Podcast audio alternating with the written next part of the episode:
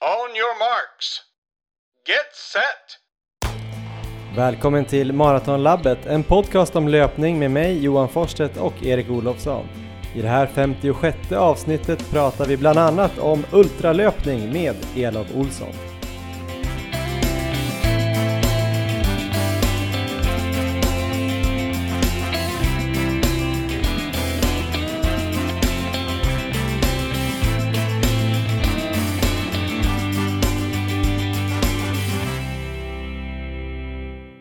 Morgon Erik Olofsson eh, och välkommen till ett nytt avsnitt av Maratonlabbets podcast. God morgon Johan, tack så mycket. Hur är läget? Eh, det är jättebra, jag är laddad. Hur känns det själv? Det känns bra. Jag sitter bara här och funderar på varför du är inlagd i min telefonbok som E. Valeri Padda. Har du någon förklaring på det?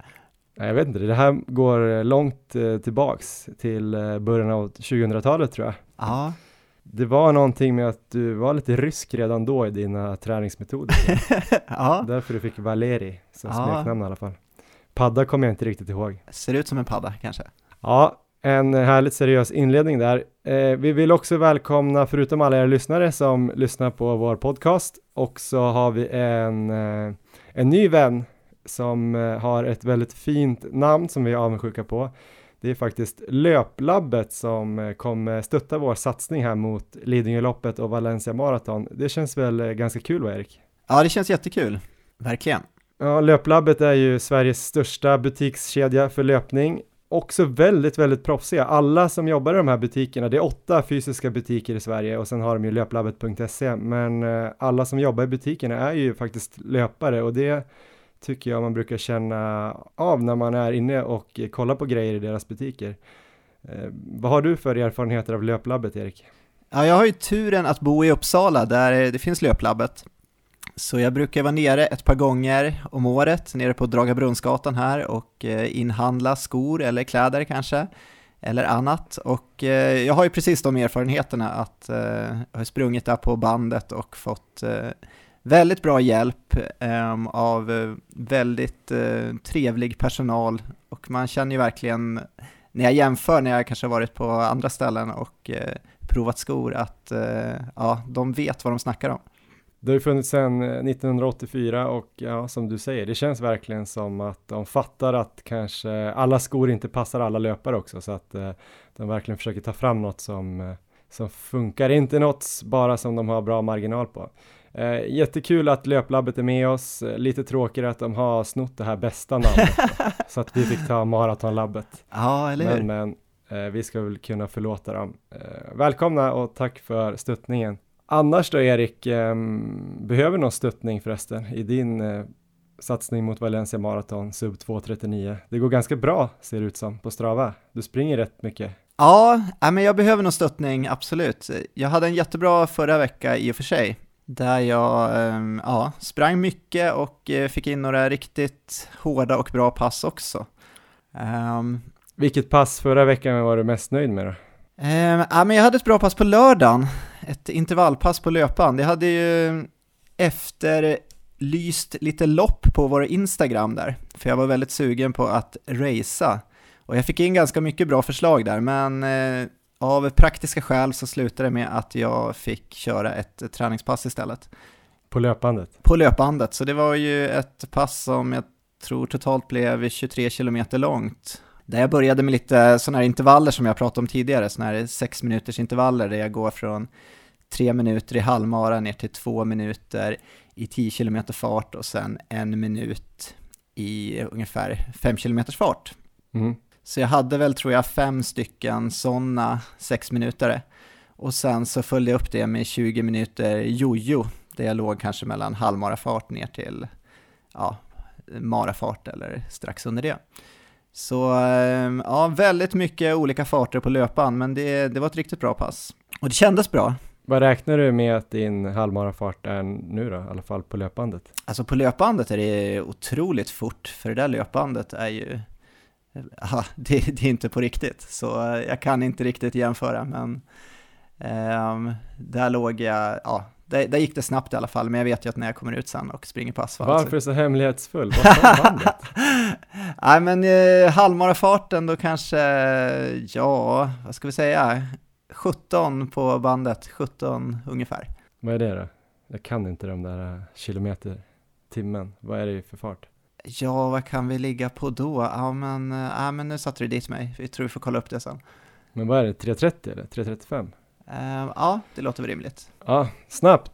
Det blir kul att se i höst här om du kommer över någon halvmara. Ja, men jag följde upp det här passet på söndagen med ett eh, långpass, ett väldigt lugnt långpass. Jag har ju börjat köra lite så på slutet att jag efter mina hårda pass har jag ofta lagt in ett långpass. Och eh, här var jag ute och körde 40 km i terräng. Väldigt, väldigt lugnt tempo. Det är inga hårda långpass som jag kör så här dagen efter.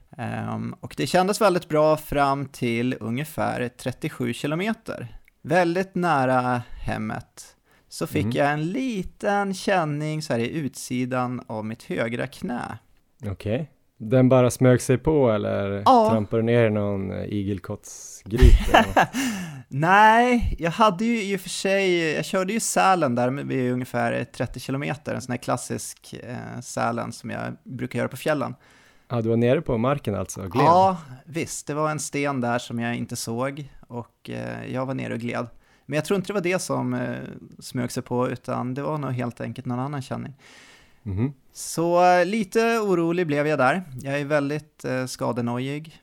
Men jag sänkte tempot i alla fall, så att jag sprang väldigt, väldigt långsamt. Från väldigt långsamt till ännu mer långsamt. Och då släppte det där, så att jag kände inte av det mer. Men resten av dagen och kvällen då, vad tänker du på då? Hur ter sig ditt liv då, när du har en sån här känning? Går du runt och nojar? Ja, som jag gör. Alltså, då, det var ju panik nästan när jag kom hem. Så att det var ju in på Google och kolla så här, smärta, smärta utsida knät. Och vad tror du kommer upp då? Utsida knät? Ja. Ja, då tror jag det är munhålecancer. Nej, jag tror löparknä kanske. Löparknä är korrekt. Så ja, där på söndag kväll var jag ganska säker på att jag hade fått löparknä. Det låter ju rimligt om man springer sådär mycket som du gör, 15 mil på en Ja. vecka. Då borde man ju få löparknä, kan jag tycka. Och då började jag kolla också så här orsak till att få löparknä. Du förtjänar ett löparknä, alltså det känns ju som att man vill ha löparknän. Ja, alltså men- knän som är bra för löpning. Ja, jag, jag klarar mig gärna utan. Men vanliga orsaker för löparknä, det var i alla fall om man hade börjat springa mer i lutning, till exempel mycket nedför. Eller om man sprang i vägrenen. på stranden i Thailand eller? Ja, till exempel det, eller det som... Just det, du försöker hitta de mjuka partierna. Ja, om man har följt eh, min eh, senaste, mina senaste förändringar i min träning så har jag försökt undvika asfalt och springer ganska mycket i vägrenen. Eh, Det är inte så att jag springer där det lutar mycket, utan jag försöker hitta liksom, platta partier i vägrenen. Men det kanske ändå lutar lite grann. Så det är möjligt att eh, i hela den här, eh, i, i mina försök då att undvika asfalt och undvika skador så har jag lyckats få fram ett löparknä kanske. Ehm, En annan stor anledning till löparknä är ju också att man eh, går upp i volym ja, på löpningen. ja, så det, det, kanske är det absolut viktigaste Det kan- orsaken, att, det- att det- man överbelastar sig själv. Ja, det kan ju också spela in såklart. Men jag har ändå, jag låg ändå i vintras på ganska samma volym som jag gör nu. Mm. Men i alla fall då, så att man kan väl säga nu, de åtgärder som jag nu har gjort då, eh, jag får ju be om ursäkt också till alla som verkligen är skadade. Här sitter jag, här sitter jag och nojar för någon liten känning, det är folk som verkligen har, sitter kanske och lyssnar på det här och har riktiga problem. Och det har jag ju inte ännu i alla fall, så att jag ber om ursäkt till alla dem. Eh, Men de åtgärder som jag nu har gjort är att eh, jag är tillbaka uppe från vägrenen. Jag kommer nu springa uppe på vägen, gatan. Kommer fortfarande Mhm. försöka undvika asfalt, men eh, hellre asfalt än vägrenen.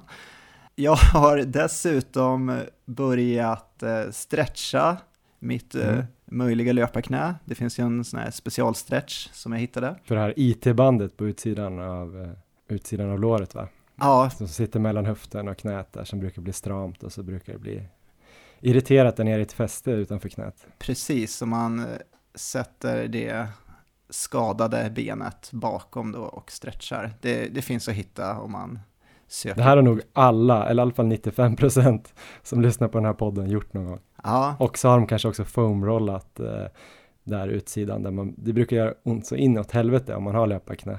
För att man brukar vara väldigt spänd. Spännande, för att det är ju min andra åtgärd då som jag gjort. Jag har också börjat foamrollat. Um, och eh, det har väl egentligen inte gjort så jätteont just på knät. Det är mer så här lårmuskeln när jag kom upp dit som har gjort ont. Men det är för att jag har sprungit så mycket, tänkte jag. Men är det på sidan du rullar då? Alltså, ja, det är det. Ja, för det där är ofta är spänt och då gör det ju det är det som gör att, eh, eller det som man brukar säga gör att eh, det blir irriterat där i fästet i knät. Så det gör inte så ont att rulla på knät utan det är hela vägen upp mot ja. höften som brukar vara som att man ligger och grinar lite grann.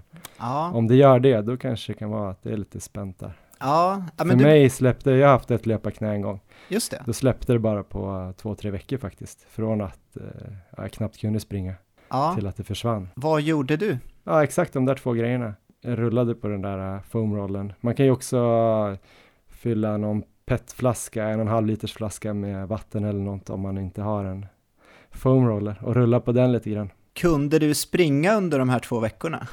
Jag tror jag vilade två veckor, men okay. då hade jag ju verkligen ett, ett riktigt äh, löparknä. Alltså jag, där började göra ont efter en kilometer, jag knappt tog mig framåt. Det lustiga var att jag kunde spela fotboll helt eh, obehindrat. Det är just det här monotona rörelsen tror jag som gör att det ligger och eh, skaver på något sätt. Ja, men jag litar ju Johan på ditt medicinska kunnande. Du ställde ju en bra diagnos på mina så här, eh, när jag hade en lunginflammation för ett år sedan. Bara på några röntgenplåtar så kunde ju du se vad det var då. Jaha, så ja. Eh, vad säger du, har jag ett löparknä eller är jag bara så här skadenojig? Ja, du har ju skadenoja, men eh, ja, du kanske ska fortsätta foamrolla det där och fortsätta springa, men eh, var väldigt uppmärksam. Och det är ett bra tips till alla som inte är skadade, om du nu bad om ursäkt till alla som är skadade så är det ju också, ja. du gör ju också en tjänst till alla som är inte skadade, som är friska, att de kanske ska vara lite nojiga så att de inte hamnar i det där skadeträsket. Ja, precis. Men eh, om man ska ta min träning här, det sista som jag gjort, det var ju, jag sprang ju för övrigt då lugnt igår och då gick det jättebra 10 kilometer. Idag så hade jag dubbla tröskelpass på schemat, så jag har precis varit här på gymmet nu och eh, skulle prova. Så jag började med 3 km uppvärmning och kände ingenting i knät. Eller ja, kände lite, men det kan mer vara kanske mentalt att jag kände efter så mycket att det, det kändes ändå. Sen så eh, startade jag igång min tröskel och eh, planen var att springa 8 km i tröskelfart rakt av. Mm. Ehm, jag tog mig 2 km, sen fick jag bryta. Va? Inte med knät dock, utan mina gamla klassiska strama vader um, kändes så pass mycket att jag valde att uh, kliva av där. Um, mm-hmm. Så det var lite tråkigt såklart. Samtidigt så uh, känner jag mig ganska nöjd på något sätt. Det känns lite som en seger att jag klarar av att bryta de här passen. Mm. Um, för det skulle jag inte gjort, vet jag, för ett par år sedan. Men uh, jag vill ju verkligen inte liksom dra på mig någonting. Och vaden är jag inte lika orolig för, utan där den här, de här känningarna kan komma ibland, men jag vet att det brukar släppa när jag springer lite lugnare. Men eh, så just nu så är det, det har gått bra på slutet med träningen, men det är lite så här, det känns som det är en väldigt svår balansgång att liksom hålla sig, hålla sig på rätt sida så att man kan springa på så mycket som man vill göra. Hur har det sett ut med andra faktorer då? Löpträningen verkar du ju ha eh, och det är såklart den eh, mest viktiga enskilda faktorn för att du ska bli bra på att springa, men hur funkar det med andra viktiga grejer då som kost och sömn och kanske styrketräning och rörlighet som man kanske kan säga är de här faktorerna som gör nästan allt tillsammans. Ska vi ta kosten så tror jag att eh, ja, men jag, tror, jag tror det funkar ganska bra. Jag tror jag, jag får ju definitivt i mig tillräckligt. Sen så skulle mm. jag kanske kunna göra saker lite mer perfekt, tror jag. Kanske saker jag skulle kunna plocka bort. Jag tycker om att äta godis till exempel och det gör jag ibland och sådär. Men mm. samtidigt tänker jag att det är ju det är ju någon slags grundperiod nu. Jag känner att jag kan äta på ganska mycket vad jag vill. Jag tänker mycket på sådana här tips vi har fått under, under senaste året, till exempel Linda Backman, att har jag dubbla pass till exempel en dag så jag till att fylla på med kolhydrater rejält efter det första passet så att jag liksom ska ha energi till det andra passet. Och det är där smågodiset kommer in va? ja, det kan komma in lite när jag, när jag är sugen på det. Men jag vet det, jag tänker väl att eh, nu med de volymerna jag är uppe på så tror jag att jag kan, det är mer viktigt att liksom få i sig tillräckligt med energi. Eh, jag tror jag kan äta ganska mycket vad jag vill. Så, eh, det tror jag också. Ja, så jag tror, jag tror att det, alltså det är farligt tror jag om man börjar tänka för mycket på att man ska gå ner i vikt för att man ska bli en lättare löpare. Mm. Sover du då? Ja, det skulle jag säga att jag gör ganska bra nu. Jag sover nog bättre än vad jag gjorde förra året. Jag har ju lyssnat på dig Johan och du har ju, du har ju varit på mig om det här så att jag, mm, jag tror jag sköter sömnen hyfsat. För mig har det ju gått nämligen motsatt håll. ja, är det Elmers fel eller är det ditt eget fel? Jag tycker det känns taskigt att hänga ut eh, någon här i podden som Ja. inte kan försvara sig för att han bara kan säga bä, bä, bä, bä, och inte riktigt fattar vad en podd är än. Men ja, det är helt klart Elmers fel. Ja, Ja, han sover otroligt eh, oregelbundet, eller otroligt ska jag väl inte säga, men han eh, och så tenderar han att vakna väldigt tidigt på mina morgnar nu på semestern här när både jag och Emma är lediga, eller jag är pappaledig och hon har semester så brukar vi gå upp varannan dag ja. och ta honom. Men han verkar ju alltid vilja vakna 5.22 eh, när jag ska ta upp honom och typ 7.22 när Emma ska gå upp med honom. Du kanske har för roliga lekar där på morgonen? Jag tror inte det heller alltså. Jag är inte Okej. så kul. Nej, jag vet inte tusan vad det är alltså. Jag tror han vill jävlas. Ja, Men jag måste nog lära mig att gå och lägga mig tidigare helt enkelt. Jag har inte riktigt kommit in i det där att kunna kanske släcka vid 10 eller något. mm. Eh, Jag får ringa till Josef Hamber och be om råd. just det. Nej, men det går ju säkert att få åtta timmar. För han sover ju mer än åtta timmar. Det är bara Ja. det att man gillar att sitta uppe lite på kvällen och kolla någon serie eller städa. eller springa eller vad man nu gör. Ja, men förutom sömnen så jag vet ju att eh, åtminstone halva taket är väl klart där ute på torpet nu och eh, du har väl en liten paus från det så eh, löpningen då, det funkar ganska bra där i alla fall. Ja, men ända sedan vi gjorde den här omstarten eller vad man ska säga, när vi började blicka framåt mot Lidingöloppet och Valencia så har det ju varit tre bra veckor av löpning där jag i alla fall snittat 80 kilometer tror jag. Ja, Det var väl 75 första veckan där för att jag stannade och tog ett bad istället för att springa klart sista passet.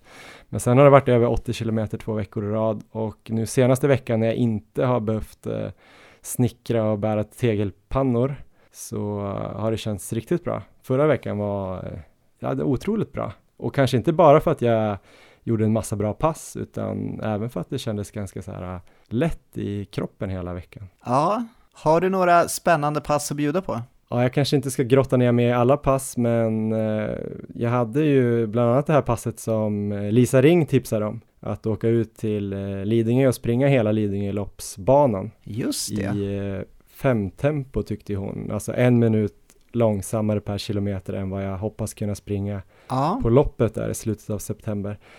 Så det gjorde jag ju förra tisdagen. Det var riktigt bra pass och sen så körde jag även eh, 12 gånger 300 just det. i en backe. Otroligt bra tror jag. Herregud vad bra, vad bra träning för mig. Och jag kände också att eh, när jag tryckte på som mest så blev jag jävligt trött men det var inte alltid då jag sprang på de snabbaste tiderna utan det var snarare när jag fokuserade på tekniken uppför och kanske sparade mig lite till, du vet, tills man kom upp lite så här över krönet som jag Just snackat det, om. just det. Och att man hade energi när det, för det flackade av lite på slutet. Ja. Och de gångerna när jag hade lite kraft där att trycka på, då blev det oftast bäst tider. Så det har jag lärt mig lite grann att, eh, att man nog kan tänka mycket på känsla och teknik istället för bara dunka på och ha någon pace och sådär. Just det. Hur länge tog en 300 ungefär? Oj, jag tror den tog en och, mellan 1,20 och 1,28 tror jag. Ja, i den. Jag, kom, jag vet inte exakt vad det var för lutning, men det var, det var hyfsat tufft. Och sen i söndags här hade jag fyra gånger två och en halv kilometer på elljusspåret i Kärrtorp. Eh, Så det var ganska tufft. Jag tänkte bryta efter tredje. Eh, sen så tänkte jag, nej men jag ska i alla fall köra tre och en halv, för jag körde nog tre varv sist jag körde på ett annat elljusspår. Det här Ja. var hårdare elljusspår. Eh, men då när jag hade kört eh, en fjärdedel då, så tänkte vända för att få en halva, då kände jag så här, men det här känns ju bra, jag kan lika gärna köra klart. Så det, det var ju bra att jag körde klart. Ja, men en riktigt bra vecka. Kan vi gå tillbaka lite till eh, det här Lisa Ring-passet? Så får, Ja, du, just det. så får du gå igenom lite vad som hände där. Ja, men det här kan ju vara kul för alla som ska springa Lidingöloppet. Jag kan väl tendera att bli långrandig, så du får väl säga till när jag babblar för mycket, för annars blir det väl det här alldeles för långt. Eh, Och ingen orkar väl höra på oss så himla länge. Men eh, det vore ju trist att åka ut och nörda ner mig i det här Lidingöloppet utan att berätta det för, för lyssnarna. Jag vet inte hur jag ska göra det. Jag kommer inte göra som en race report, men jag kan ju dra igenom lite grann. Jag knäppte ju av eh, mellantider efter varje femma. Ja. Eh, och det var faktiskt väldigt kul att göra det här, för att det blev ju mer, det blev ju inte bara löpning ett långt pass, utan det blev ju även det här med att jag skulle utforska banan noggrant och, ja. och sen är det ju väldigt fint där och det var en, ja, det var en behaglig eh, förmiddag. Det var ganska bra temperatur och sådär, så det kändes väldigt lätt. Det är väldigt eh, bra markerat va, om det är någon annan som skulle vilja ut och springa? Absolut, det är jättebra markerat. Eh, man bara håller utkik efter eh, skyltarna som är så blå och vita, fyrkantiga, ser ut som sådana här rutrar på kort. Just det. ja, så står det ju. Och sen är det ju även kilometermarkeringar och till och med så står det ju beskrivet hur varje kilometer är. Alltså i början av varje kilometer så finns det en sån här höjdkurva, så står det lite grann om, den, om man verkligen vill stanna och läsa. Men eh, jag missade ju starten lite grann, jag sprang ju lite fel, fast jag hade sprungit dit tio gånger kanske från Lidingövallen. Eh, så jag fick en kilometer extra uppvärmning, sen såg jag att en lyssnare, Johan Nordström tror jag han heter, eh, skulle göra det här passet och han tror jag hade fått till sju kilometer till, redan innan starten för att han sprang runt på Lidingö och letade där. Så man får väl hålla lite koll just och hitta upp till starten för det är inte markerat. Aha. Men det är två kilometer från Lidingövallen och typ tre om man parkerar på Grönsta Gärde där målet är. Men i alla fall så uh, var det väldigt svårt att hålla de här uh, femfarten. Jag tyckte det var långsamt. Så ja. första fem kilometerna hade jag alltså nästan nere på 4.30 fart fast jag försökte hålla igen. Så 4.37 hade jag i, i snittfart första femman och den skulle jag säga är ganska snäll. Det är några backar, typ två, tre backar som ändå är, alltså som ändå är backar jämfört med ett flackt lopp såklart. Ja. Men eh, det är ju inte någonting som man blir jätteskrämd av. Men ska vi göra så här Johan att du börja med att nämna din snitttid på hela, hela passet här så att vi har något att jämföra med. Så att vi inte jämför med fem tid då, utan vi tar din snitttid istället. Ja, det var lite oklart. Eh, jag tror den mätte fel på några partier där, men jag skulle tippa att det blev, eh, det stod ju 4.48 på hela, hela passet, så jag tror det var någonstans där det landade, 4.45 kanske. Ja. Första femman gick då lite snabbare än tänkt, eh, det var också det lägsta snittpulsen på hela loppet, men det är inte så konstigt heller för att jag precis började där ja. också. Sen, eh, ja men det var inte så mycket att skriva hemma om första femman, det är trevligt bara. Och sen, men just precis ner mot fem, då kommer en grymt brant utförsbacke. Ja. Där tänker jag att det var sjukt svårt att springa utan att bromsa, alltså, för att det var så brant så det kändes som att man lutar sig fram och trycker fram höften där, då ramlar man ju framåt typ och gör sälen som eh, Så där var det lite lurigt. Men sen eh, mellan fem och sju så är det två, tror jag, ganska tuffa backar faktiskt redan ja. där. Så då börjar man ju tänka lite så här, hur jäkla brant är abborrbacken? Om man tänker sig att de här backarna aldrig är angivna som några större backar i någon beskrivning någonsin. Ja. Det är en där eh, innan sju som är rätt eh, maffig faktiskt. Sen eh, springer man ner mot, eh, runt sju där så börjar det gå ut för ner mot eh, Kyrkviken som det heter och ner mot eh, Lidingö IP, eller Lidingövallen, där eh, ja, hela samlingsplatsen är där man hämtar nummerlappar och sådär. Men därifrån till 9,5 är det ju egentligen som en riktigt vanlig platt bana bara. Och där är det också en del asfalt och packat grus. Så där bör man väl kanske stå på lite grann, fast kontrollerat. Sen avslutas det 10 kilometer precis på, efter en ganska lång asfaltsbacke. Den var lite hårdare, jag sprang på 4.45 andra femman. Ja.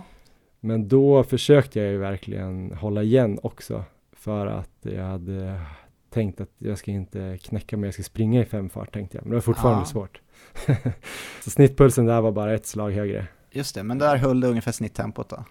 Ja, precis. Um, sen från där man kom upp för den där backen vid 10 så är det riktigt fint. Eh, man kan nästan säga 10 till 16,5 men om man ska säga 10 till 15 så var det väl, eh, ja men där är det inte så kuperat och man kommer också in i, vid 11 tror jag man kommer in i skogen och sen springer man ganska så här mysig stig, inte så bred, kanske så här en, en och en halv meter bred stig och väldigt så här att det känns som att man är i skogen och inte alls i något bebyggt område där ett tag. Där är nog min absoluta favoritdel på hela banan. Ganska lättsprunget men härligt i skogen. Ja, så där gick det lite snabbare då?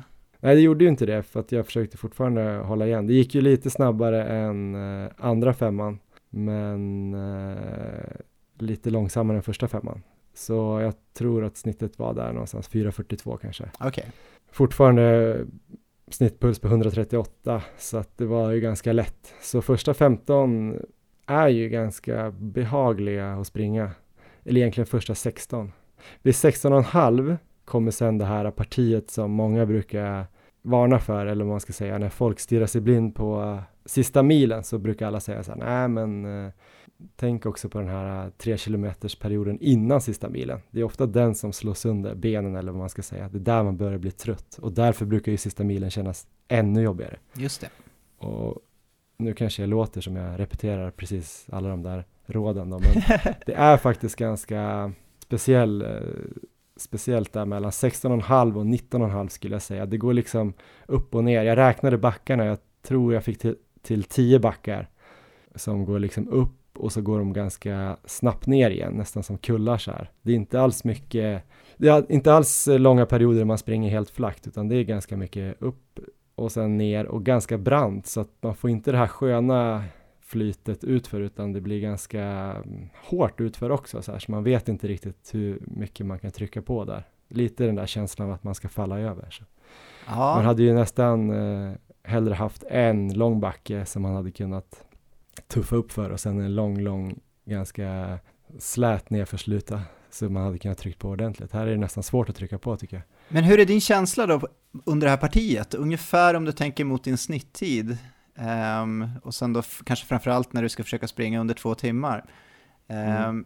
Hur, under det här partiet, vart kommer du ligga i tempo? I det här partiet så, nu när jag sprang här så gick det ungefär i 4.49 snitt. Ja. Så lite långsammare än snittet och pulsen gick, det här gick den ju upp lite. Så här hade jag 142 i snittpuls. Så det gick upp några slag. Aha. Kan ju också bero på lite grann på att jag har hållit på ett tag. Den, den smyger ju uppåt såklart, pulsen, oavsett. Men eh, här tror jag, jag skulle säga mellan 15 och 25 blir ju ett väldigt kritiskt parti. För dels är de här tre kilometerna, eller man ska säga kanske 16,5 till 22. För där kommer jag ju börja bli trött och det är där det kommer bli, om jag kan ta mig till 16 i fyra snitt, det är ju liksom steg ett, eller ja. kanske lite snabbare än fyra snitt och vara hyfsat pigg. Det tror jag ju att jag ska kunna göra. Kanske inte vara hyfsat pigg, men att ta mig dit i fyra snitt, det tror jag. Ja. Men det är där jag måste liksom kunna springa 14 kilometer till, som är ännu tuffare. Ja. Så det här eh, kommer det verkligen vara att jag kommer vara tvungen att börja grisa. Uh, och jag vet inte, jag kanske kan tillåta mig själv eventuellt att ligga några sekunder över fyra på det här partiet om jag har sprungit in det innan, men jag tror det blir svårt att springa in det efteråt. Men ska du inte ha lite marginal då, tänker jag, på de här första 16? Springa lite snabbare där helt enkelt. Ja, ett klassiskt eh, bra råd att försöka ta tid och buffra tid. Nej då, men, men här måste jag nog göra det tror jag. Ja. Så vi får väl se hur bra jag kan bli på de här tio veckorna som återstår. Men eh, jag måste ju nästan ha lite marginal där. Ja. Men det året jag sprang mitt bästa Lidingölopp för typ fyra år sedan, då sprang jag ju ganska obehindrat första 15 på 1.05 och sen hade jag ju andra 15 var ju typ på 1.13. Ja. Så jag vet inte, det är svårt det där. Men eh, jag tror att jag måste ha lite marginal så att jag i alla fall inte behöver bli så här superstressad. För det här partiet är ju ganska jobbigt, det är ganska kul på ett sätt om man gillar backar om man hittar rytmen så kanske man kan ta lite folk här. Sen eh, ner från den här perioden, man kommer upp på asfalt eh, ganska hög, högt på banan och så ska man springa ner mot Grönsta Gärde. Den backen är också brutal på asfalt. Ja, ruskigt brant, så det gillar jag inte. Sen vänder man ju upp direkt från Grönstagärde i den första stora backen på sista milen, ja just det. Är det med, vid 20 då? vid 20. Så det här partiet är ju lite tufft. Man har, kommer ut från de här tre kilometerna, är lite knäckt, tänker så här, ja nu går det ner för men då går det ner för så inåt helvete. Och sen går det upp för nästan direkt igen. Och sen tänker man, ja men nu har jag klarat den första backen på sista milen, nu ska det vara flackt ett tag, men det är inte riktigt det förrän efter 22. Så 20 till 22 är ganska halvtunga ändå. Ja, Så ja, men där någonstans, eh, ja, där blev det lite jobbigt. Sen 20 till 25 nu när jag sprang, då var jag nästan uppe i fem tempo faktiskt. just det. Där lyckades jag nästan. Så där hade jag 4.59 fart och eh, ungefär samma puls som eh, eh, 15 till 20. Eh, där är det ju som sagt eh, tuffa första två kilometerna, sen är det ganska lätt två kilometer, sen börjar det komma lite backar precis innan abborrebacken som kommer någonstans vid 4,5. Så det är ju lite trist att det kommer två hyfsat jobbiga backar ganska in, innan, så man är lite mör när man börjar abborrbacken. Och den Ja. är ju tuff liksom. Det är ju 46 tror jag, jag tror man går från en eller två meter över havet till 48 meter över havet till högsta punkten där på ungefär 500 meter, så det är väl 10 slutning. Så den är ju rätt tuff liksom, det går inte att komma ifrån. Just det, och för de som aldrig har sprungit Lidingöloppet, när kommer den? Ja, efter uh, 4,5 kilometer på sista milen, så 24,5 då Ja, ungefär. 25 kilometers uh, markeringen är mitt i backen där det är liksom uppe i skogen, sen planar det ut lite i mitten av backen. Sen kommer man ut på en asfaltsväg och så går det upp igen då. Så man kan ju förledas att tro att det inte var så farligt. För den första delen som där skylten står och så är inte jättelång. Sen är det väl eh, sista fem var ju lättare igen och där hade jag lite högre fart igen. Jag vet inte om jag var bara sugen på att trycka på där då. Men då hade jag 440 snitt ungefär. Men då gick pulsen upp lite grann, så den gick faktiskt upp eh, till 146 i, i snitt. Men på alla de här kilometerna så var jag aldrig över 155, så jag försökte att inte liksom gå på för hårt i backarna, utan jag tog mig ganska lugnt och konsekvent uppför med bra teknik och försökte springa på lite mer utför och på platten. Men det var ett bra genrep, eller ett genrep var det inte, jag ska ut och göra det massa gånger till. Det var ett ja, ett kul första test. Jag tror att jag sprang in då på 2.22 ungefär, 2.23, vilket ju ändå är mitt näst bästa Lidingölopp någonsin. ja. Så det var ju kul, utan att vara speciellt trött överhuvudtaget. Och ingen kramp heller. Men jag Ja. har inte kramp längre, så det är bra. Nej, precis. Ja, men det här låter, jag tycker det låter väldigt lovande. Det är intressant för jag tycker så här att det var lovande och jag kände mig väldigt lätt. Pulsen var ju jättelåg då. Alltså jag känner ju att jag, det skulle vara kul att testa att springa med, nu var väl snittpulset runt 140 kanske på hela, hela loppet. Det skulle vara kul att testa att springa med snittpuls 150 som är någonstans min aeroba tröskel eller på det där testet vi gjorde nu för ganska länge sedan. Det är kanske ännu bättre. Ja, och sen skulle det vara kul att testa att göra det med snittpuls 160 och sen alltså så här, se var man kan komma. Men det kändes ju ganska skönt att kunna jogga på 2.23 men sen så, och jag känner ju så här, ja men 2.15 är ju lugnt liksom. 2.10 skulle komma nog vara ganska lugnt. Men jag fattar fan inte riktigt hur jag ska klara det under två timmar. men kan det här vara en idé? Jag tänker så här, eh, inför en mara så gör man ju mycket marafartsträning på långpass och så. Det kanske helt enkelt kan vara, kan vara en idé att eh, ligga, eh, inte på din tänkta tävlingsfart kanske, men strax över. Kanske inte springa hela sträckan, men en ganska lång del av den. Hur tänker du inför den specifika perioden? Jag tänker att eh, A och O ändå kommer bli att åka ut och springa där faktiskt. Jag tänker ganska mycket som du tänker nu, så jag har väl inte liksom formulerat exakta pass hela vägen fram, men jag har väl en känsla att två, tre veckor innan eh, Lidingöloppet ändå göra något generalrepetitionspass där, om det passar in. Och då är frågan antingen då kanske köra första 20 i den tänkta tävlingsfarten, eller sista 20 kanske. Ja, Eh, kanske ännu, ännu mer specifikt att köra så att man får sista milen. Man kan ju köra 22 om man börjar från Lidingövallen, så det skulle ju vara en idé att kanske testa springa det i fyra fart eller strax över. Eller då kanske springa hela i, ja, låt oss säga 4.10 eller 4.15 fart. Jag vet Ja. inte, vad, vad tycker du skulle vara rimligt? Jag, inför Frankfurt Marathon gjorde jag ju 33 tror jag i ungefär 10-12 sekunder per kilometer långsammare. Ja, Så alltså, vad blir det då? 75 procent av sträckan i 95 procent av farten eller något. ja precis. Ja, men viktigt blir väl att tänka på att eh, kanske köra den varianten som sliter minst i slutändan. För de, är ju, Mm. de sliter ju mycket i den här typen av långpass. Mm. det låter ju som bra idéer, bra idéer allting, men ja, välja det som kanske sliter minst. Mm. Nej men eh, det ska bli kul. Eh, jag har fått en sån här känsla av att jag är sugen hela tiden nu på att ta mig ut till eh, Lidingö och testa olika delar av banan. Så jag ska nog göra det här eh, imorgon tror jag igen. Eh, så du ska faktiskt få vara med och bestämma vad jag ska köra imorgon. Vi kanske kan prata om det i, i slutet det här när vi blickar framåt på vår träning så att inte jag pratar alldeles för mycket just nu. Men eh, det ska bli kul att du får bestämma passet Erik. Härligt! Vad har vi mer att prata om här innan intervjun? Vi har en jäkligt bra intervju idag, eller bra intervju säger jag ju ganska ofta. Då menar jag ju såklart att vi har bra gäster som säger bra saker, inte att intervjuaren ställer bra frågor.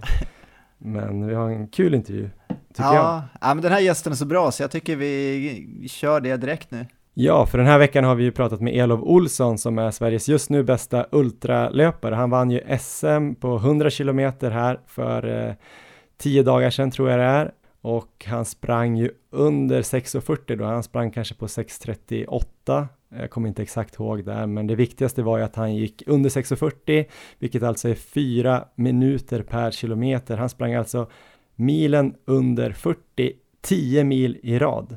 Vilket är ju ganska sjukt, eller vad säger du Erik? Helt galet. Elof Olsson är ju inte ens 30 år fyllda och en intervju med honom kommer nu. On your marks. Get set. Ja, då har vi med oss Elof Olsson på tråden. Välkommen till Maratonlabbet. Tack så mycket. Sjukt kul att du vill vara med. Som jag fattar det är du alltså i Chamonix just nu och eh, springer lite. Vad gör ni? Ja, det stämmer bra. Nej, men vi är väl här på ett litet träningsläger slash semester. Det har ju inte blivit de tuffaste passen när jag nyss har sprungit 100 kilometer. Så. Men det, kroppen har repat sig bra tycker jag. Så det, det känns, det har varit kul. Ja, du, för bara några veckor sedan här sprang du ju SM på 100 kilometer där du vann och gick under den här drömgränsen 6.40. Du snittade alltså under 40 minuter på milen i 10 mil. Hur kändes det? En vanlig drömgräns för motionärer är ju 40 minuter på en mil. Ett mål har alltid varit att springa under 6.40 och det var skönt att klara av det den här gången. Det var ett tufft lopp men eh, jag, jag är glad att jag klarar av att hålla i det hela vägen. Hur högt rankar du det där SM-guldet? Alltså, vad har du för andra prestationer som du är, lika nöjd med? Eller hur skulle du säga att hur stort var det här? Du har vunnit Ultravasan tidigare bland annat. Och... Eh, jo, men Ul- Ultravasan är nog det, det bästa jag har gjort hittills i löparkarriären. Eh, men det här är ju eh, Comrade som jag gjorde fyra veckor innan SM-guldet är också ett riktigt bra resultat. Där var du 14. Ja, jag var 14 man där, ja. Det stämmer. Så där, där hade jag... Jag brukar ju kunna ha en ganska vass avslutning, så det lyckades jag med även den gången. Jag hade lite en tung period där i mi- mitten ungefär, men sen eh, höll jag ihop det på slutet och sprang väl sista sträckan där på 7-8 kilometer snabbast av alla tror jag. Och jag, jag tror att jag kommer kunna prestera ännu bättre där i framtiden. Eh, men sen, eh, ja, jag var ganska imponerad av att jag ändå kunde prestera på SM fyra veckor efter. Jag var lite osäker där med, jag kände mig lite skör i benen eh, på vissa pass innan. Jag kände liksom i musklerna att det skulle kunna bli problem längre in i loppet, men ja, tänkte inte så mycket på det, så jag körde på bara från start, eh, det vi hade sagt innan. Jag, jag startade i, för en, eh, i ett tempo som är under 6.30, men eh, ungefär vid sex, sex mil eh, började först, först blev hälsenorna lite stela, men sen satt, eh, försvann det och så satte det sig i vaden, vaderna istället. Jag fick stanna och stretcha en gång och försöka ja, ändra steg lite grann och, men, eh, och fortsätta tänka på att springa snyggt. Eh, så att det inte skulle bli värre och värre liksom. Och det är väl bland de bättre resultaten som jag har gjort eh, i Ultra. Men på ett sånt lopp då, 100 km SM, nutrition eller hur mycket får du i dig och hur bra koll har du på det där och hur viktigt är det i Ultra? Det känns ju som att det är en stor nyckel. Jo, men för mig, jag tycker att det är A och O att få i sig mycket, så mycket energi det går eh, på ultralopp eh, för, för, att kunna prestera hela vägen in i mål. Jag, jag snittar väl, eh, jag tror det var 340 kilokalorier i timmen ungefär. Jag, jag, tog någonting varje varv. Ett varv var fem kilometer. Så jag tog antingen en gel, en eh, 33 centiliters flaska med sportdryck eh, varje varv.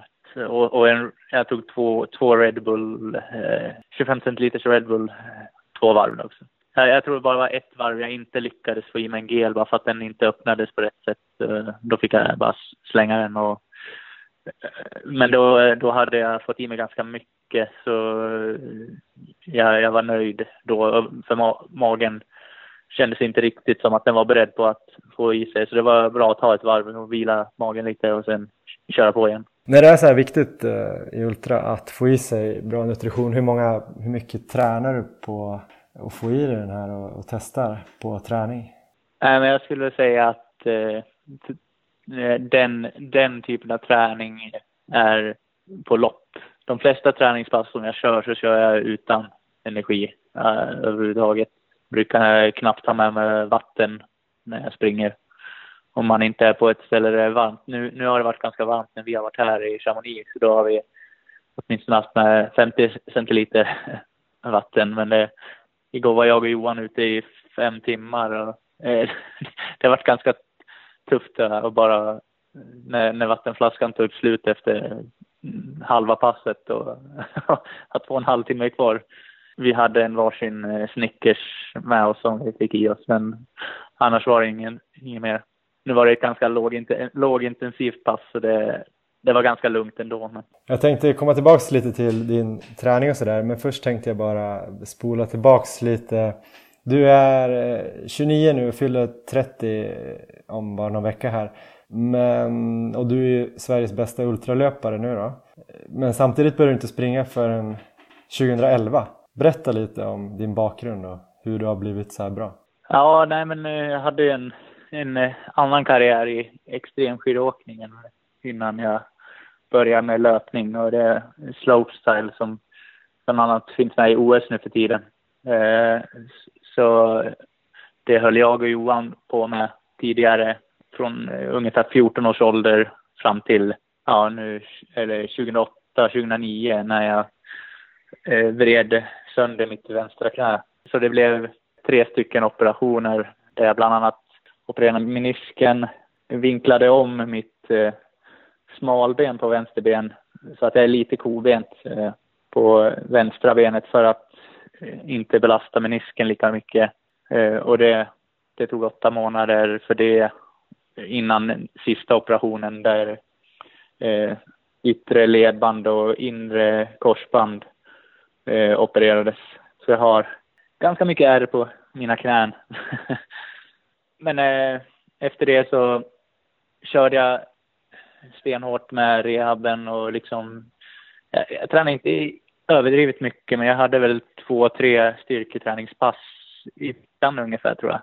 Och, och sen, eh, jag började springa 2010 några gånger, men eh, sen sa min kirurg åt mig att eh, vänta ett halvår till innan du börjar springa. Så jag gjorde det och, och styrketränade vidare. Och, men sen eh, 2011 så, så körde jag, Johan och Jocke upp ett spår på Vasaloppet. Eh, så vi körde lite längdskidåkning där, åkning där på vintern och eh, därefter började vi springa efter öppet spår. Och sen har det väl eskalerat år efter år. Men hur har det liksom gått framåt och hur kommer det sig att du blev så himla biten? Mina fördomar säger ju att det inte så här slopestyle-åkare är supersugna på att springa. Eh, nej, det tar nog ganska lång tid innan eh, en slopestyle-åkare tänker på träning på samma sätt som någon, eh, ja, en löpare gör. I alla fall när jag höll på med slopestyle så tänkte inte jag på att jag skulle egentligen kanske behövt eh, styrketräna lite extra för att det skulle gå bättre.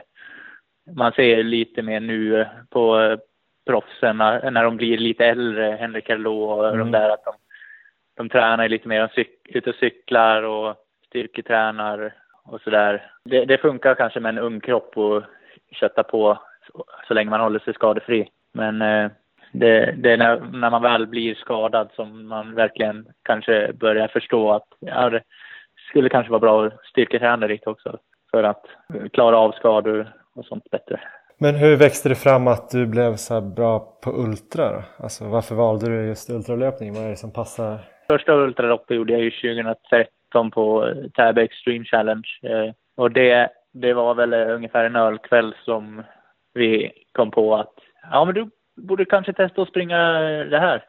80 kilometer. Det, så jag gick med på det och tyckte väl att det var en bra grej att motivera träningen och och när jag väl sprang det så gick det så väldigt enkelt.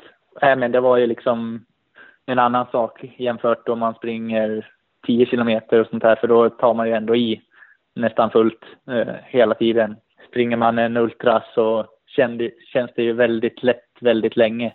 Mm. Jag körde inga fler ultror det året, men eh, året efter så körde jag, det är väl det året som jag har kört de mest eh, liksom ultror och de längsta loppen 2014. Då, då körde jag liksom 100 miles på Tab Extreme Challenge och ma massa mer bergslopp och avslutade med 24 timmars eh, i Växjö. Jag sprang 253 kilometer. Eh, en av mina största styrkor är att jag har ett väldigt lätt löpsteg eh, i, i lågt tempo. Jag, jag, vet inte riktigt vart mitt löpsteg är bäst, men eh, runt eh, strax under fyra minuters tempo. Någonstans där tror jag mm. mitt löpsteg är som allra bäst. Men eh, just, just att jag kan springa ganska snyggt eh, långsamt eh, tror jag är en väldigt bra grej, både för mitt knä och för ultralöpningen. Är det något som det har bara kommit eller eh, har du liksom tränat fram det Alltså i den farten, att du, att du har ett bra steg där? Uh, ja, jo men uh, jag har väl tänkt en del uh, från att jag startade med, så då, då tänkte man väl kanske inte så mycket på steg utan då sprang man bara men under årens lopp så har man väl bara snappat upp lite små grejer för att justera steget. Det, det har väl inte varit något jättefokus med massa löpskolning och sånt där utan det, det är mer att det har kommit lite så här små, små, små tips som man har snappat upp. Sen var jag även eh, löpledare eh, några terminer för Run Academy och där kanske man fick sig no någon tankeställare och snappa upp det, man, det jag tyckte lät vettigt. Eh, och, och det kanske eh, tog fram mitt löpsteg ännu lite till och sådär. Men vad är det om du går in mer detaljerat på varför springer du lätt och snyggt i, i fyra tempo? Har du liksom, har du hög frekvens då eller? Ja, jag ligger väl ungefär på 180, eh, runt 180 steg i minuten. Och jag landar, eh, jag landar inte på hälen utan typ mitt på foten ut, från utsidan och in. Så att det, det sista som tar i är ungefär stortån. Och så, så ser väl jag att ett löpsteg ska se ut. Sen eh, att man landar eh, perfekt mitt under kroppen kanske inte är lika noggrant. Men eh, oftast, ofta, oftast blir det väl så för mig i alla fall. Men om man tänker typ som nu är det ju helt omöjligt att jämföra med mig som är eh, amatör och otalang. Men eh, nej, om man springer lite längre, man får ju ganska ont eh, i kanske så här eh, höfter bland annat för att hålla uppe liksom, höften. Det vill gärna sjunka ner när man springer så här långt. Hur tränar du styrketräningen då? För att, eller gör du det överhuvudtaget eller kommer det bara med den ökade löpmängden att man blir tålig liksom?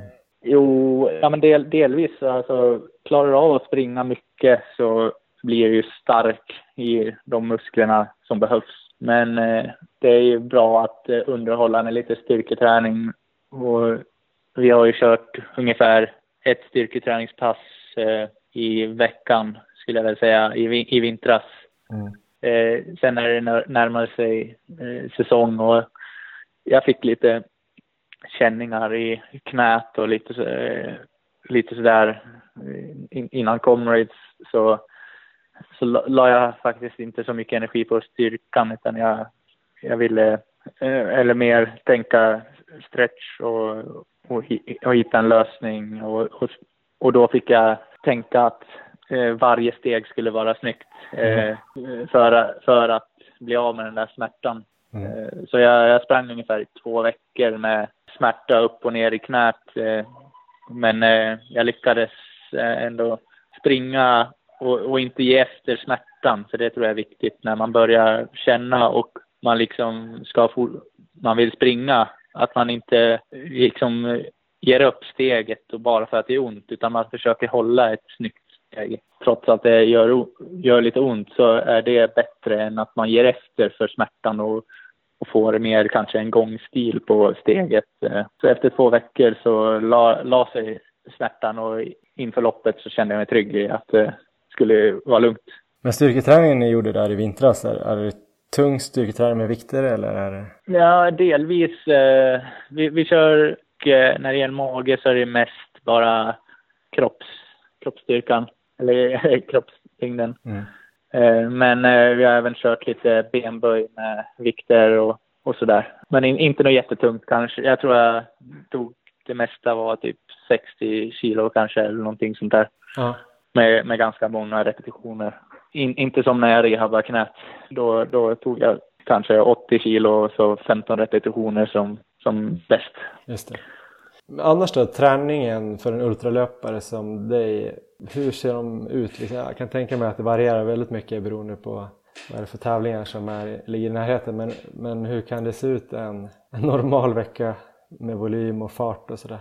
Eh, ja, ja, men det beror ju på vilket, vilket lopp, vilket ultralopp eh, som eh, jag ska springa. Om man tar i år så var det Comrade så det är bara asfalt eh, men eh, väldigt kuperat. Eh, det har ju ungefär 1800 höjdmeter eh, på 87 kilometer och det, det är ju ungefär som Lidingöloppet i snitt. Eh, så där, där krävs det ju både styrka och snabbhet Eh, jag satsade mycket på att försöka få in ganska, ganska mycket backar men att ändå hålla ett eh, ganska högt tempo på många av mina pass.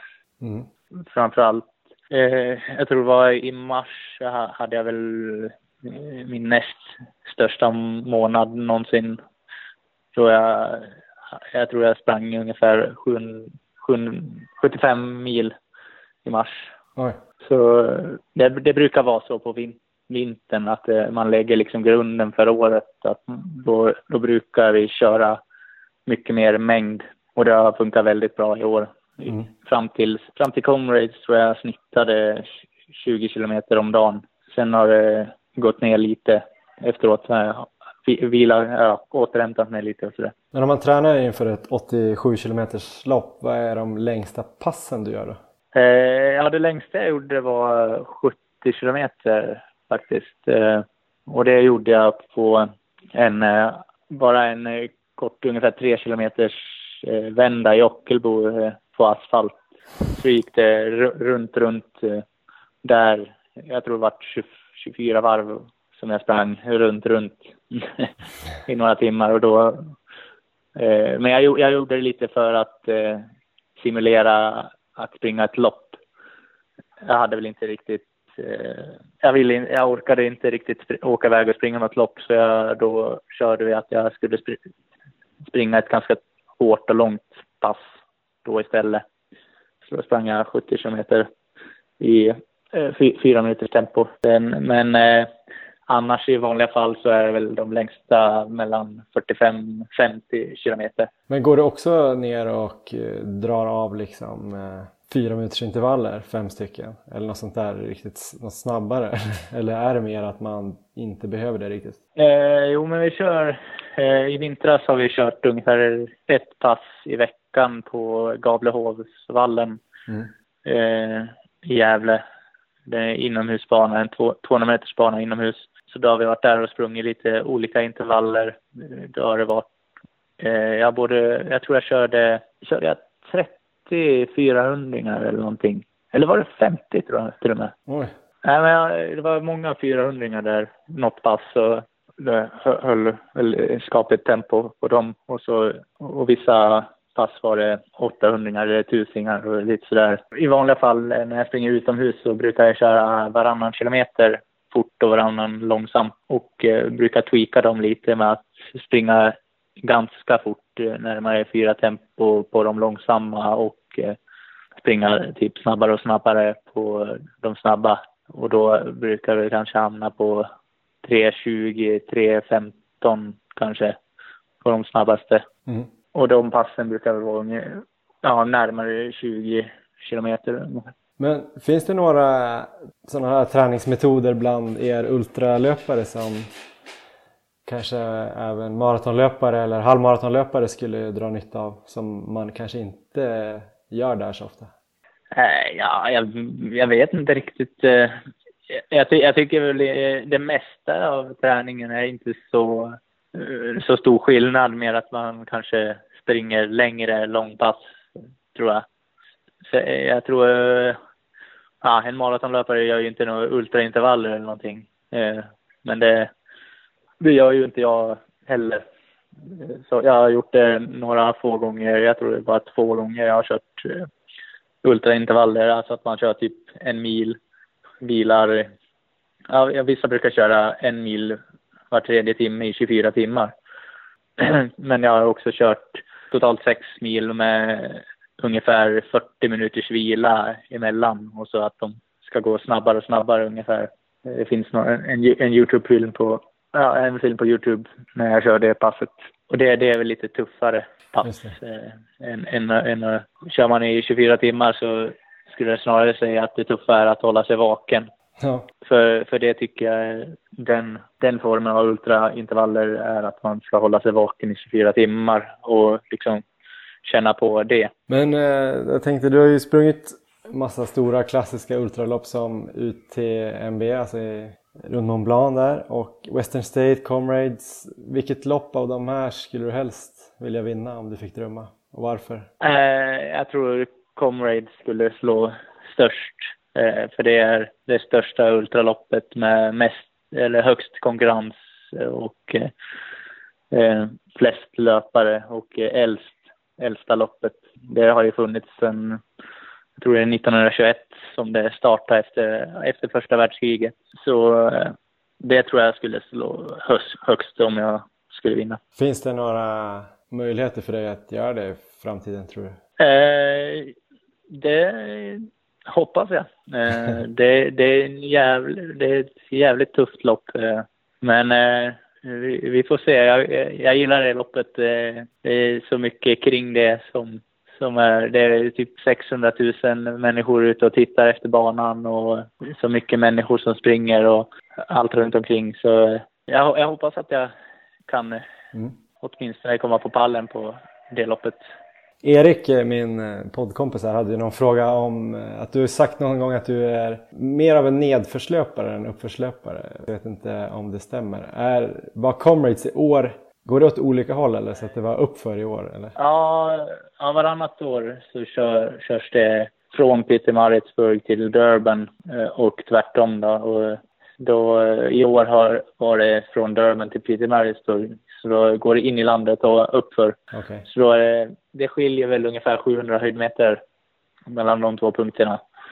Men eh, på ett uppförsår så är det 1800 höjdmeter uppför ja. och typ ja, 1100 nerför och så sen vice versa. Då. Just det. Men, eh, nej, men det stämmer väl som man sa att jag, jag är en bättre utförslöpare än vad jag är en uppförslöpare. Är det ett sånt år som du skulle kunna komma på pallen då? Ja, jag tror det.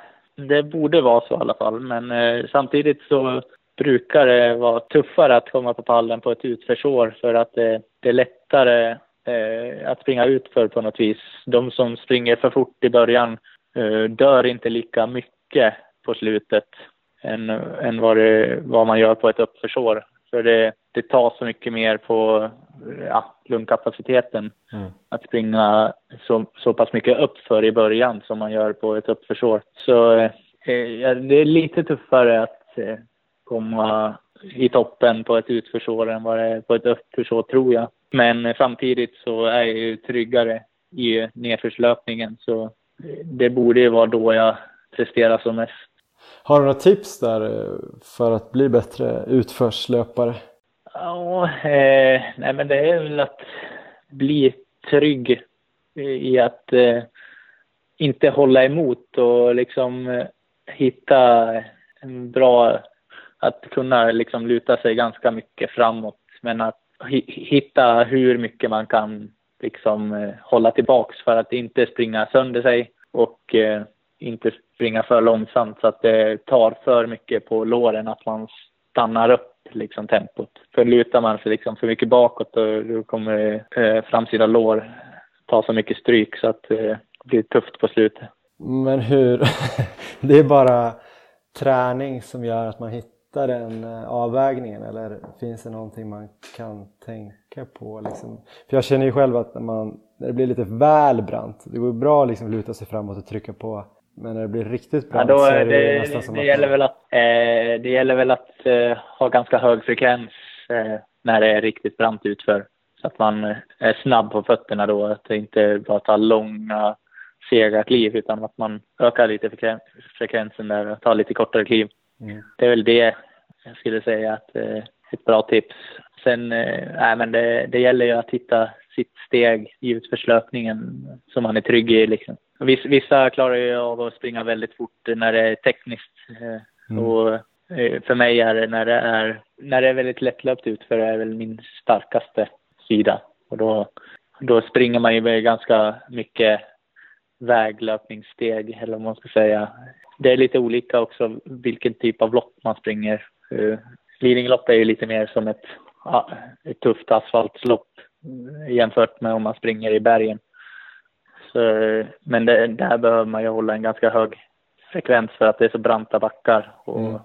släpper man på för mycket så då tar benen slut, har jag lärt mig. Ja. Jag tänkte snacka lite bergslöpning också här på slutet. Ehm, du har ju bland annat sprungit alla lopp, är det två år i rad du har gjort det? Alltså sprungit alla fjällmaralopp, eller alla lopp i fjällmaraveckan där uppe i Vålådalen och Årefjällen? Eh, åtminstone de två senaste åren.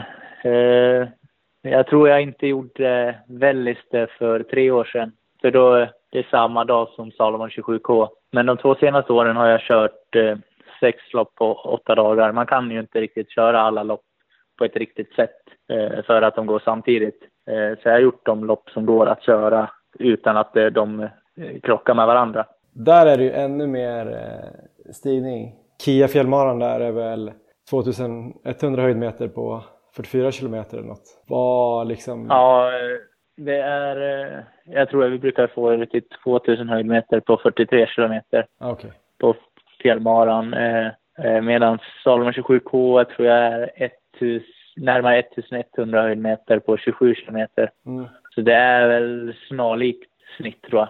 Ja, precis. Men lite brantare än såklart Lidingöloppet i Comrades och sådär. Och hur eh, funkar du i den terrängen?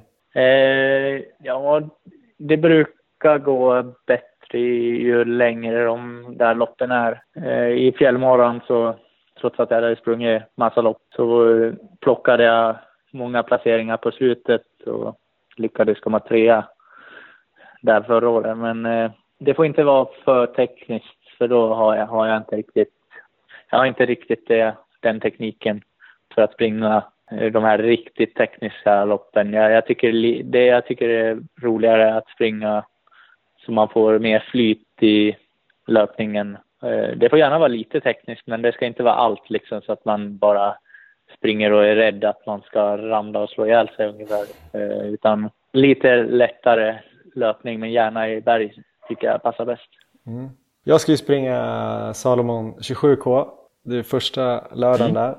Som du sa 1100 höjdmeter, 27 eh, kilometer. Tre toppar är det va? Mer eller mindre. Har du några ja. tips där för hur lägger man upp det loppet? Jag skulle också säga att jag kanske ja, men är hyfsad utför ändå. ska man liksom spara benen upp för då? Jag är inte riktigt kanske, jag har inte sprungit så mycket höjdmeter. Jag har ju mest tränat för snabbare lopp, eh, platta lopp här i vår.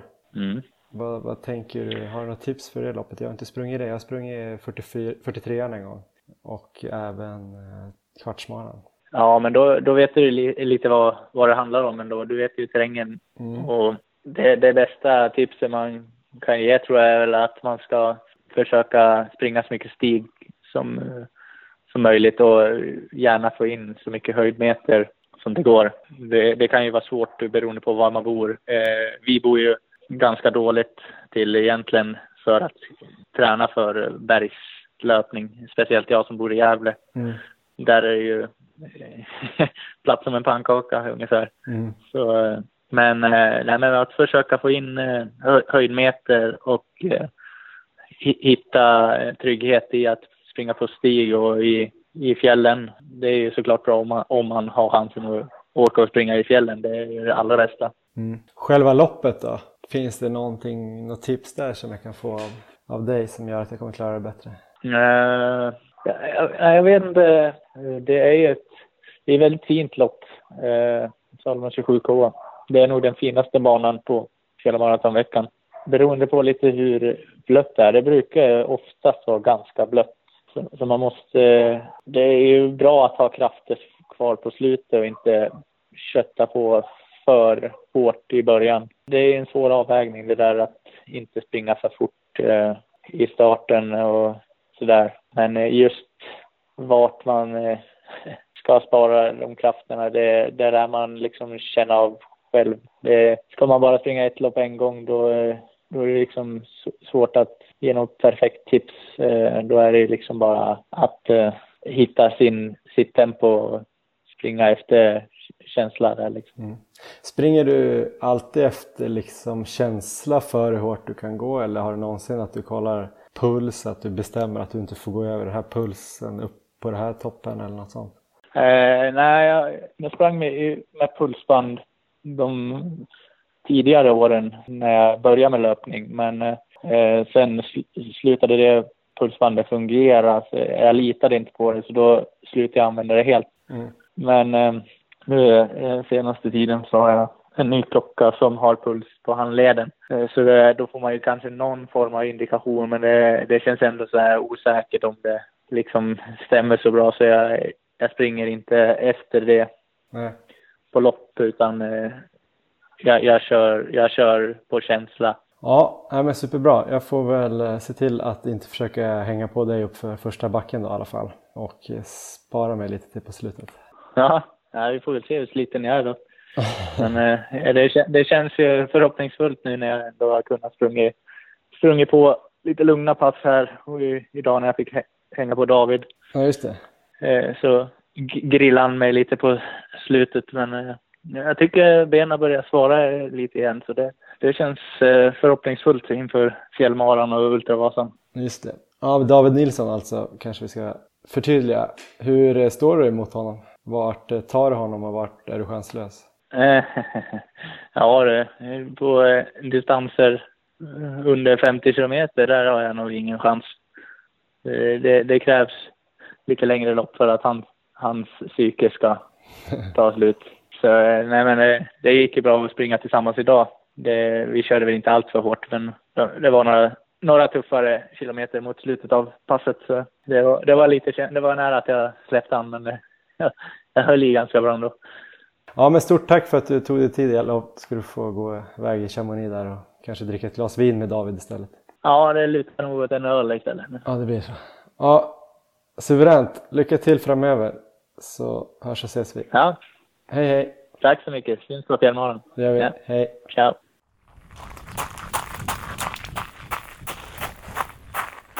Ja, det där var alltså Elov Olsson eh, från Ockelbomaffian. Vad tänker du när du hör Elov, Erik? Eh, väldigt inspirerande, tycker jag. Och eh, jag skulle vilja att du Johan hänger med på ett av de här sju passen med Elov. Jaha, Ja, varför ett av de här kortare passen? ja, men jag tror det är lagom, lagom för dig att få in ett sånt pass och sen så kan du rapportera direkt därifrån. Ja, men det skulle kunna bli bra innehåll faktiskt. Jag är väl inte jättekänd för att ha gjort så många ultror i mina, mina dagar. Jag tror att jag sprungit en ultra kanske. Jag sprang ju Kia fjällmaraton som förut hette Axa fjällmaraton mellan Vålådalen och Trillevallen där. Jag tror att det är 43. Vi snackar ju lite om det i, i podden där, så det räknas väl som en ultra. Ja. Men annars har jag nog inte gjort någon, förutom kanske typ Stockholm Marathon, man tagit lite långa svängar och sådär. Det kanske inte räknas. Har du sprungit någon ultra Erik och blev du sugen på ultra när du lyssnar på det här? Alltså jag har inte sprungit någon ultra, men jag har väl funderat lite till exempel på Ultravasan och sådär. Så jag, är, jag måste säga att jag är lite sugen. Sen så är jag väldigt insnöad på maraton just nu, så att eh, i år så är det definitivt fokus på maraton och eh, jag kan säga att nästa år är det också fokus på maraton eftersom målet mm. är att försöka kvala in till SM då. Um, så um, ja, jag tror jag skjuter det lite på framtiden, men jag skulle ju jag skulle ju gissa sen eh, när jag kanske inte längre vill satsa på maraton att det är mer troligt att jag går upp i distans än att jag går ner i distans. Varför då? Um, ja, men det skulle väl kännas lite, jag vet inte, det skulle inte kännas lika motiverande tror jag att försöka gå ner och få en riktigt bra miltid till exempel som att uh, prova till exempel Ultravasa. Sen så, uh, ja, som, som du vet Johan så jag är lite begränsad när det kommer till Ultra för att jag, jag måste ju ta de här loppen som går på asfalt eller Eh, kanske sån här 24 timmars lopp på någon liten bana, för att jag kan ju inte ge mig upp i fjällen och springa över stenar och sånt där, för det... Ja, just det. Det är det, för farligt. Ja, det klarar jag inte av, så eh, det, det är den tråkiga biten känner jag, men ja, vi får se. Ultravasan, är det det hårdaste du kanske kan göra terrängmässigt, eller? För det ska ju väl vara ganska snällt även om det inte är asfalt. Jag tror det, vi får väl reka banan innan där om jag är kapabel att springa över stenarna där. Man kanske kan flytta lite stenar om vi åker dit några månader i förväg och fylla igen lite gropar och hål och sånt där. Ja, ja, men ja, jag tror vi har en bra plan här. Men det känns ju som att du har en väldigt bra eh, både fysik och mental kapacitet för att uh, lyckas på Ultra. Det känns som att du skulle kunna hålla i fyra fart ganska länge också. Om inte tio mil så fan fem, sex mil snart i alla fall. Tror du inte?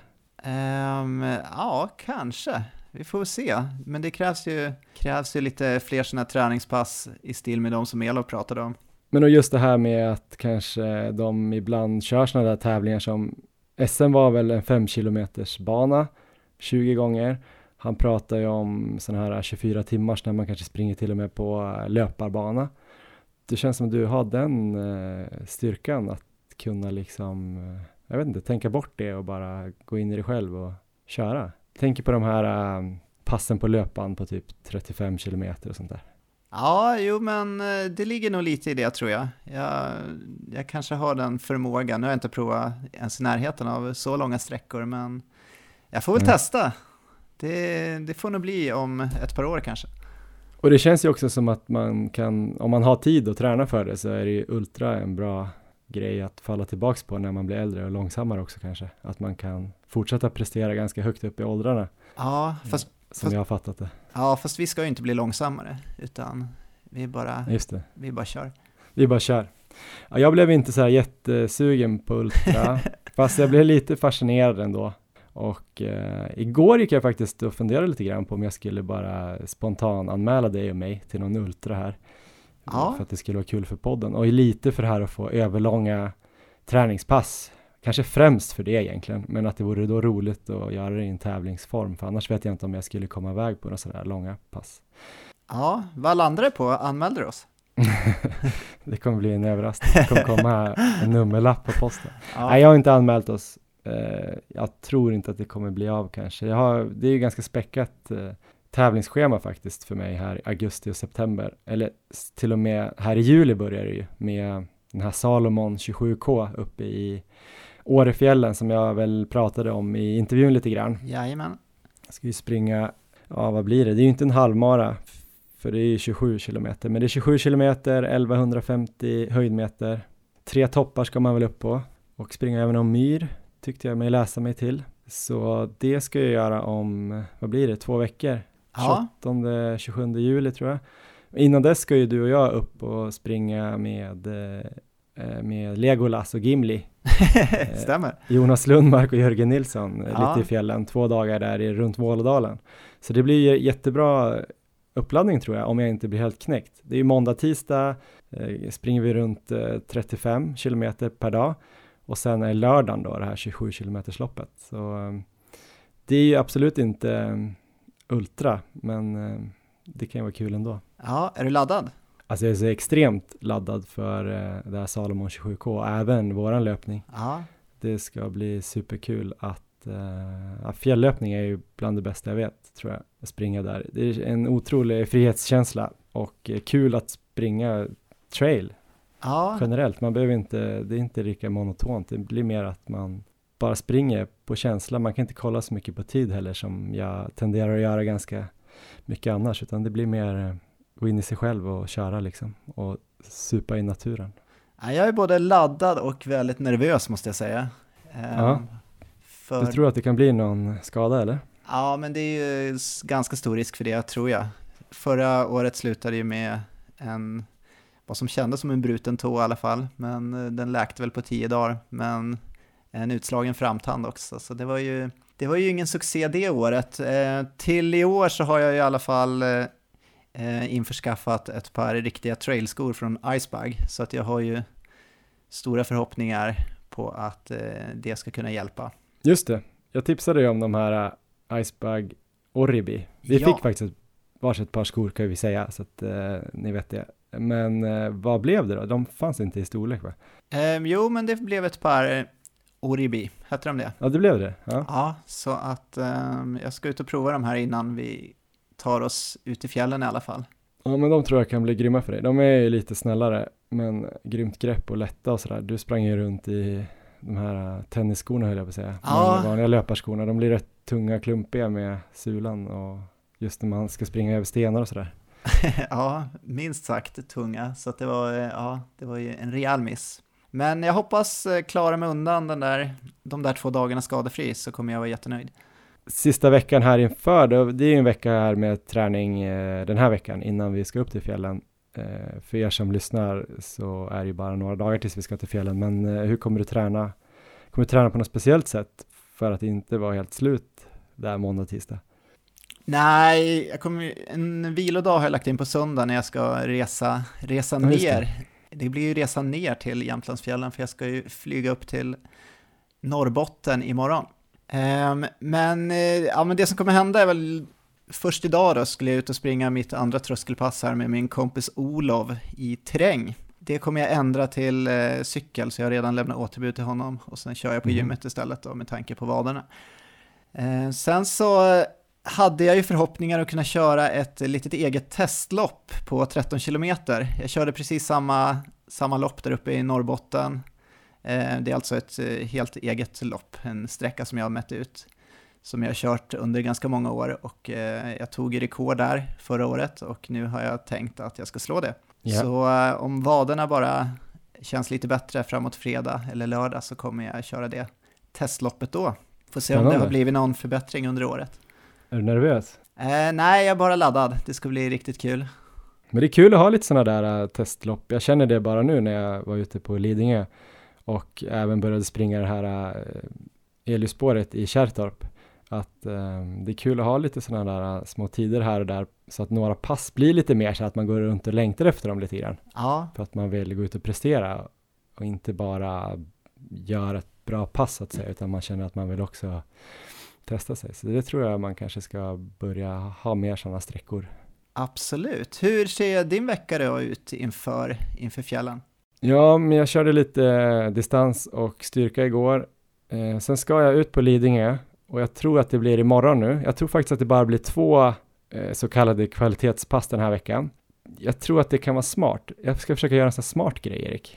Det kan ju också vara folk som tycker att det är en mesig grej. Ja, Linjen mellan smart och lite tuntig är ju liksom ganska vag ibland. Men jag kommer ju från tre bra veckor där jag har sprungit lite mer än vad jag gjorde innan ändå. Och där jag har sprungit riktigt bra kvalitetspass. Jag tänkte jag kanske köra två kvalitetspass, men ganska hårda då. Det ena kommer bli då att springa på hela Lidingöloppet igen. Och där har jag några options. Antingen, Erik, så tänker jag att jag ska springa första tio i tävlingsfart. Ja, Så under fyra minuter per kilometer eller fyra minuter exakt. Sen funderade jag på att springa andra tian, kanske i femfart. Bara Ja. för att återhämta mig. får jag ställa en fråga direkt här? Ja. Är du Johan kapabel att springa i femfart? Jag tänkte du skulle göra det här förra, förra veckan. Alltså, och jag kommer ihåg när jag var ute och sprang med dig, det är som att du, jag tror du måste verkligen eh, fokusera stenhårt då på att kunna hålla tempot. Men det är något med mitt steg, det funkar inte. Jag, Nej, jag vet. Jag, har ju typ så här 140 i kadens som jag ska springa femfart. Det känns helt onaturligt. Ja, Ja, eller så får jag trippa runt som, då är ju folk så här, vad fan håller han på med? tänker jag att de tänker. Nej, jag vet inte, okej, men 4.48 fart då, Ja. andra tian. Mental femfart, Ja. andra tian. Och sen eh, öka sista tian igen, fast kanske inte till fyra fart, men eh, kanske i alla fall under 4.30 fart. ja, Vilket skulle ge ett snitt då på 4.30, vilket ju är den här medaljtiden. Just det. 2.15. just det. Vilket ju också skulle vara ett PB på den här sträckan.